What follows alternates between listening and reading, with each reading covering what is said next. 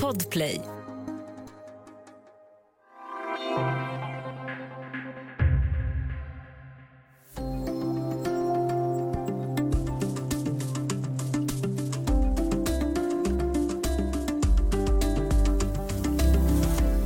Liberalernas SD-samarbete skapar ramaskri i EU-parlamentet. Studio DN, idag om den hårda kritiken inifrån Liberalernas partigrupp och om partiledare Johan Perssons försök att lugna Bryssel.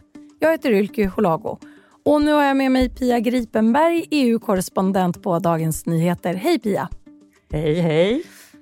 Ja, Svenska Liberalerna fick ju i dagarna alltså hård kritik av sin egen partigrupp i EU-parlamentet och den heter Renew Europe och samlar liberala och socialliberala partier. Pia, berätta, hur lät den här kritiken? Vad handlar det om? Jo, det var förra veckan hade de en av de här sessionerna man har i Strasbourg, så alla är på plats i Strasbourg. Och de inleds ofta med att det är ett stort eh, gruppmöte där alla kommer från olika håll. Och den här gången stod ju svenska valet högt på agendan. Det hade ju varit precis något dygn tidigare. Och just det här att Liberalerna har ett samarbete med Sverigedemokraterna när det gäller att komma att få en borgerlig regering i någon form, det var otroligt upprörande för många i Renew Europe, de här liberalerna. Och det, man måste se det lite att det är som att en liberal franskt parti skulle samarbeta med Marine Le Pen, eller att ett tyskt liberalt parti skulle samarbeta med Alternativ för Tyskland. Det är lite de måste se det i deras olika partiernas liksom, vilket sammanhang de hör hemma i sina respektive länder. Och för många är det helt obegripligt med den här svenska blockpolitiken. och förstår inte varför inte ett liberalt parti kan samarbeta med Socialdemokraterna till exempel, för det gör man på många andra håll i Europa. Om vi zoomar ut lite grann, hur fungerar det här med partigrupper i EU-parlamentet? Hur ser samarbetena ut? Nej, men det man ska komma ihåg är att Europaparlamentet fungerar inte som Sveriges riksdag. I Sveriges riksdag så är vissa partier tillhör oppositionen och vissa partier, eller något parti, är regeringen. I Europaparlamentet är det ju så att alla, Europaparlamentet ska samarbeta med varandra för att komma med ett förslag som eller komma med eh, synpunkter på lagförslag som kommer från EU-kommissionen. Så att det är ett annat form av samarbete. Man samarbetar över partigrupperna och traditionellt har det varit ett väldigt samar tätt samarbete mellan den socialdemokratiska partigruppen och den partigruppen där moderater och kristdemokrater sitter, för det har varit de två stora. Och kan de komma överens, då får de liksom övriga parlamentet majoritet. Men nu har den här Renew-gruppen vuxit mycket, så de har ju fått ett större inflytande, mycket tack vare att Macron har gått så mycket framåt i Frankrike.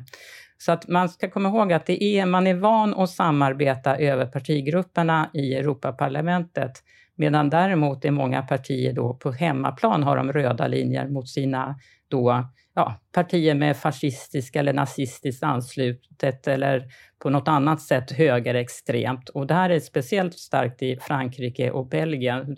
För där finns något som heter cordon sanitaire, att man liksom eh, vi ska göra allt för att hålla borta extremisterna från regeringsinflytande. Och hur fungerar motsvarande ur ett svenskt perspektiv? Nej, men motsvarande var ju till exempel att, att man hade bestämt att nej, Sverigedemokraterna ska inte få något slags inflytande överhuvudtaget i en svensk regeringsbildning eller svensk politik. Och då hade man ju haft någon form av mera en samlingsregering kan man tänka sig, där då borgerliga och socialdemokrater hade suttit i en gemensam regering. Det hade, det hade ju varit liksom ett alternativ då. Men det, så funkar det ju inte i Sverige. Men i, eh, från omvärlden så tycker man det är konstigt att inte det kan vara ett mer samarbete mellan socialdemokrater och partier som står till höger om Socialdemokraterna eftersom det finns på så många andra håll i Europa.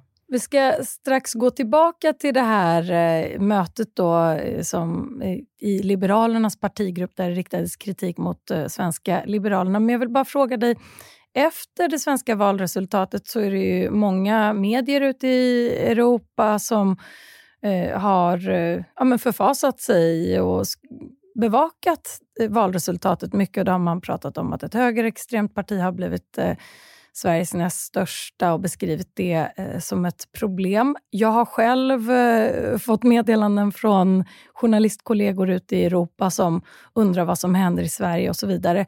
Vad har du mött för reaktioner eh, i arbetet i Bryssel?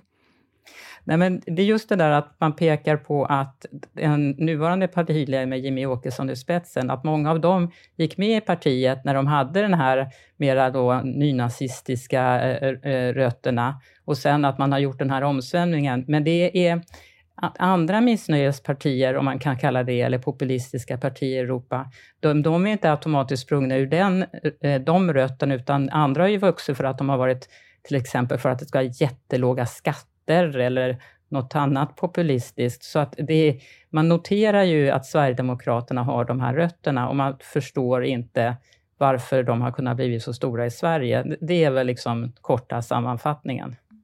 Så om vi går tillbaks eh, till det här mötet då. Liberalernas eh, representant på eh, partigruppsmötet som fick ta emot den här kritiken det var Europaparlamentarikern Karin Karlsbro. Hur hanterade hon situationen? Hur bemötte hon det, den här tuffa kritiken hon fick ta emot? Ja, det vi känner till då, eh, det var ju Annie Reuterskiöld, Sigrid Melker och jag som skrev den här artikeln, att eh, hon var ju väldigt utsatt naturligtvis och det var väldigt högljutt, speciellt då från fransmän och belgare.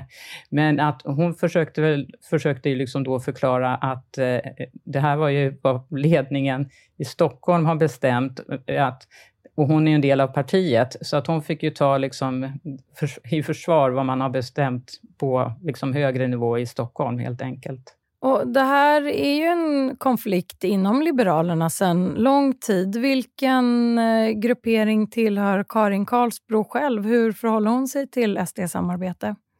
Nej, men om man läser de inlägg hon har skrivit i sociala medier så är ju hon väldigt kritisk till Sverigedemokraterna det är så att hon måste sägas tillhöra den falang som inte vill ha ett samarbete med SD, som jag bedömer det. Och I den här partigruppen Renew Europe så ingår ju också Centerpartiet. Hur reagerar de på kritiken mot Liberalerna? Nej, men jag skulle säga att de försökte väl, som vi har också fått berättat för oss, att de försökte väl på något sätt ta Karin Karlsbro i försvar då. Att liksom, inte så att hon, att hon var väldigt ensam där. Hon är ju en enda medlem där och de är ju väl uppåt en, ja, 80-85 personer i den där gruppen. Så att det... Eh, ja, och just förklara att den här kontexten i Sverige är en annan än vad den kan uppfattas när man sitter då i Strasbourg, som det kan vara den här gången, eller när man är i Bryssel och pratar om samarbeten. Vad vet vi om vem som framförde eh, vad? Kan du ge några exempel på hur kritiken lät? Ja, det var ju till exempel en, en belgisk ledamot som heter Hilde Fautmans som tycker att eh, hur kan man göra det här vägvalet som ni har gjort och samtidigt vilja stanna i New Europe? Hon liksom förstod inte hur man kan kalla sig liberal och ha något som helst samarbete med något parti som man står på ytterkanten, som de ser det. Och Det finns också krav på att Liberalerna då inte ska få ingå i den här partigruppen. Hur, eh, hur ligger landet där? Det kommer väl vara en diskussion, men lite beror det på hur man hanterar det här från eh, eh, ja, Johan Persson och Liberalernas partiledning. Och man skulle ju kunna tänka sig att han försöker åka ner och träffa andra folk, eller när det är olika gemensamma möten så måste han ju på något sätt ha väldigt bra argument varför de har agerat som de har gjort, eller varför de agerar som de gör. Och eh, sen tror ju jag inte att eh, Liberalerna blir uteslutna ur Renew. Jag har svårt att se det. Det är en grupp med... Det, den, har sina, den har sina spretiga åsikter den med och det har varit ganska rörigt emellanåt i den gruppen och högljudda åsikter. Men i det här läget eh, så, så han får nog arbeta lite, Johan Persson, för att förklara sig inför sina partikollegor på Europanivå. Mm, vi ska återkomma alldeles strax till hur Johan Persson har svarat på den här kritiken. Men innan dess undrar jag, hur tolkar du tonen utifrån hur det brukar låta inom partigrupper på EU-nivå? Alltså det man ska komma ihåg är att de här partigrupperna har sina svarta får, som det heter. I när Moderaterna och Kristdemokraterna satt ju länge i samma partigrupp som ungerska Fidesz, till slut kunde de sparka ut dem. Men då, hade man ju, då fick ju de stå till svars för vad Fidesz gjorde i Ungern. Och i, i socialdemokratiska partigruppen har man ju haft problem med sitt systerparti på Malta och mycket korruption och det var runt också mordet runt den här journalisten Daphne Carosa Galizia. Alltså, ja, ursäkta uttalet. Men alltså att det, det, det finns sådana saker och den här gruppen Renew, de hade då, i Tjeckien har de ett stort parti och Tjeckiens tidigare premiärminister Babiš, han var då också starkt korruptionsmisstänkt.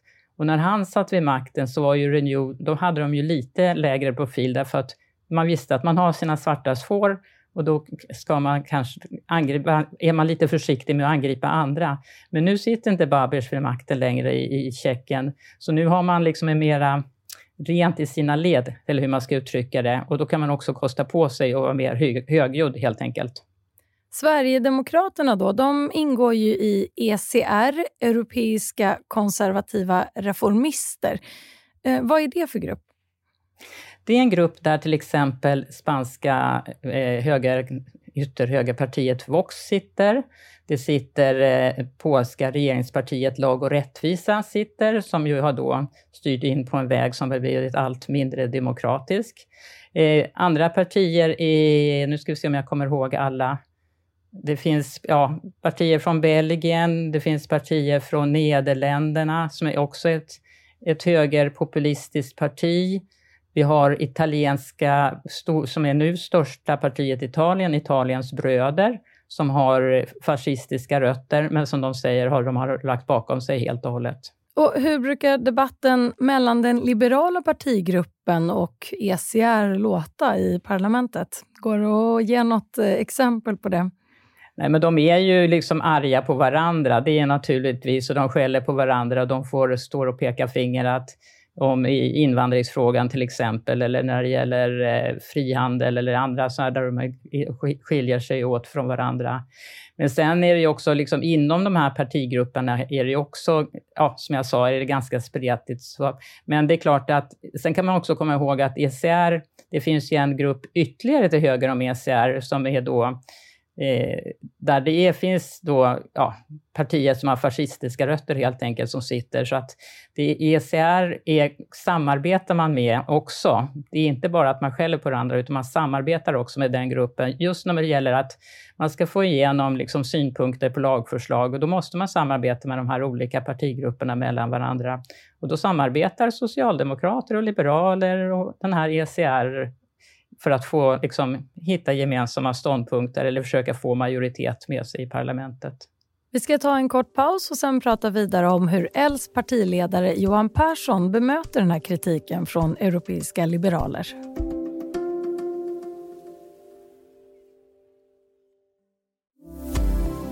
Studio DN idag om kritiken mot Liberalerna från deras partigrupp i EU-parlamentet. Pia Gripenberg, EU-korrespondent på Dagens Nyheter. Så vad har kritiken från EU-kollegorna väckt för reaktioner här i Sverige?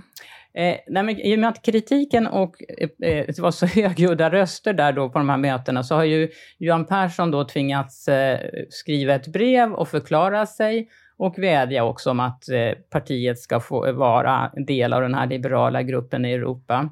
Och då har han då, eh, det har han skrivit på engelska och det är till, eh, adresserat till de här liberala partierna på Europanivå och till de här eh, delegationerna som är i Europaparlamentet.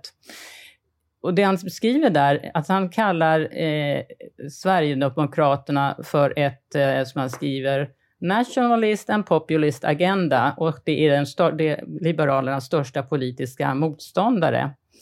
Eh, så att det är ju eh, ja, det är så han förklarar helt enkelt att det, det är vår största politiska motståndare, men det här behövs för att få bort eh, Socialdemokraterna från makten ungefär. Och hur, vilket bemötande kommer det här brevet att få framöver från de som menar att det borde vara en samlingsregering, att det hade varit mer rimligt ur ett liberalt perspektiv? Ja, så på Europanivå tycker man nog det är väldigt konstigt att man pekar ut ett parti som sin största motståndare och så väljer man ändå att ha någon form av samarbete med det, när man kan ha ett samarbete med partier som inte är den största motståndaren, till exempel då Socialdemokraterna, för att och, eh, ja, hitta likasinnade i en, annan, i en annan regeringskonstellation. Jag tror att det har tolkats som väldigt märkligt, helt enkelt, det här svaret. Ja, det låter ju som att den här debatten kommer att fortsätta. Hur kommer kritiken att följas upp av eh, den liberala partigruppen? Alltså den här diskussionen kommer ju att pågå och den kommer säkert att pågå så länge det är regeringsbildning i Sverige. Och, och den stora frågan på Europanivå är ju om Sverigedemokraterna kommer att sitta i regeringen eller om de kommer att vara, vara stödja regeringen. Men att, att de får sitta i regeringen, det tror jag kommer att ses som eh, ja, det kommer och tolkas väldigt negativt i den liberala partigruppen åtminstone. Då kommer det ju heta att Liberalerna har släppt fram Sverigedemokraterna i regeringsställning. Eh, men, så att diskussionen pågår och sen kom, ska det vara då i eh, december ska det vara ett stort möte i Bratislava där alla de här liberala partierna träffas. Och då kommer nog Johan Persson få förklara sig ännu mera. Sverige tar ju över ordförandeskapet för EU här vid årsskiftet. Hur påverkar det svenska valresultatet det kommande ordförandeskapet nu? Det kommer nog att påverka att det kan bli mer komplicerat till exempel att komma överens om eh, migrations och asylpolitiken. Det beror på vilket, stort, det beror på vilket inflytande Sverigedemokraterna får helt enkelt. Så att det är stora frågor som ligger. Det ligger mycket som har med klimatområdet att göra. Det, vi har en energikris som är, är, akut. Det finns kriget i Ukraina. Och eh, vissa är ju kanske inte så politiskt stor skillnad mellan eh, Sverigedemokraterna och eh, ja, majoriteten av partierna. Men på andra områden så har de ju definitivt en, en agenda att de vill verkligen påverka den här politiken. Och migrationspolitiken är ju ett sådant område.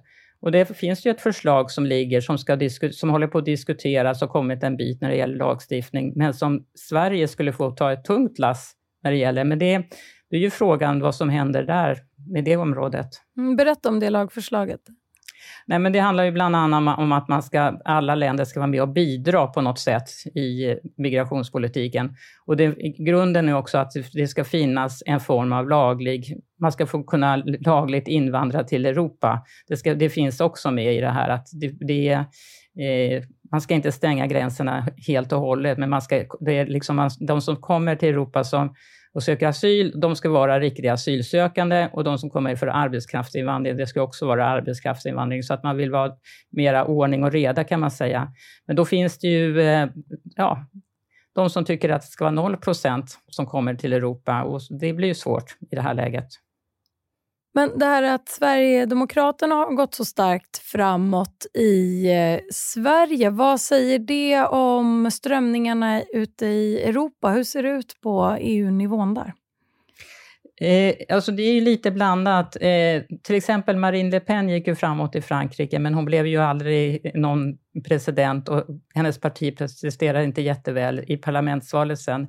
Men däremot i Italien till exempel, där går ju de högerpartierna starkt framåt och där ser det ut att bli ett parti som har fascistiska rötter, Italiens bröder. De ser ut att eh, deras ledare Giorgia Meloni ser ut att bli premiärminister och de har ju val på söndag.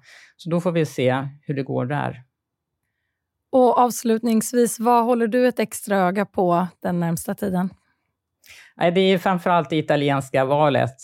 Det som händer runt Ungern och EU-pengarna, där då EU vill stoppa en stor del av de EU-pengar som går till Ungern, det är ju en het potatis och den blir också jätteintressant att följa framöver. Och allt det här är ju frågor som vi självklart kommer att återkomma till här i Studio DN. För den här gången, tack så mycket Pia Gripenberg, EU-korrespondent här på Dagens Nyheter. Tack, tack. Studio DN görs för Podplay av producent Palmira Kokarimenga, ljudtekniker Patrik Miesenberger, teknik Jonas Lindskog, Bauer Media och jag heter Ylke Holago.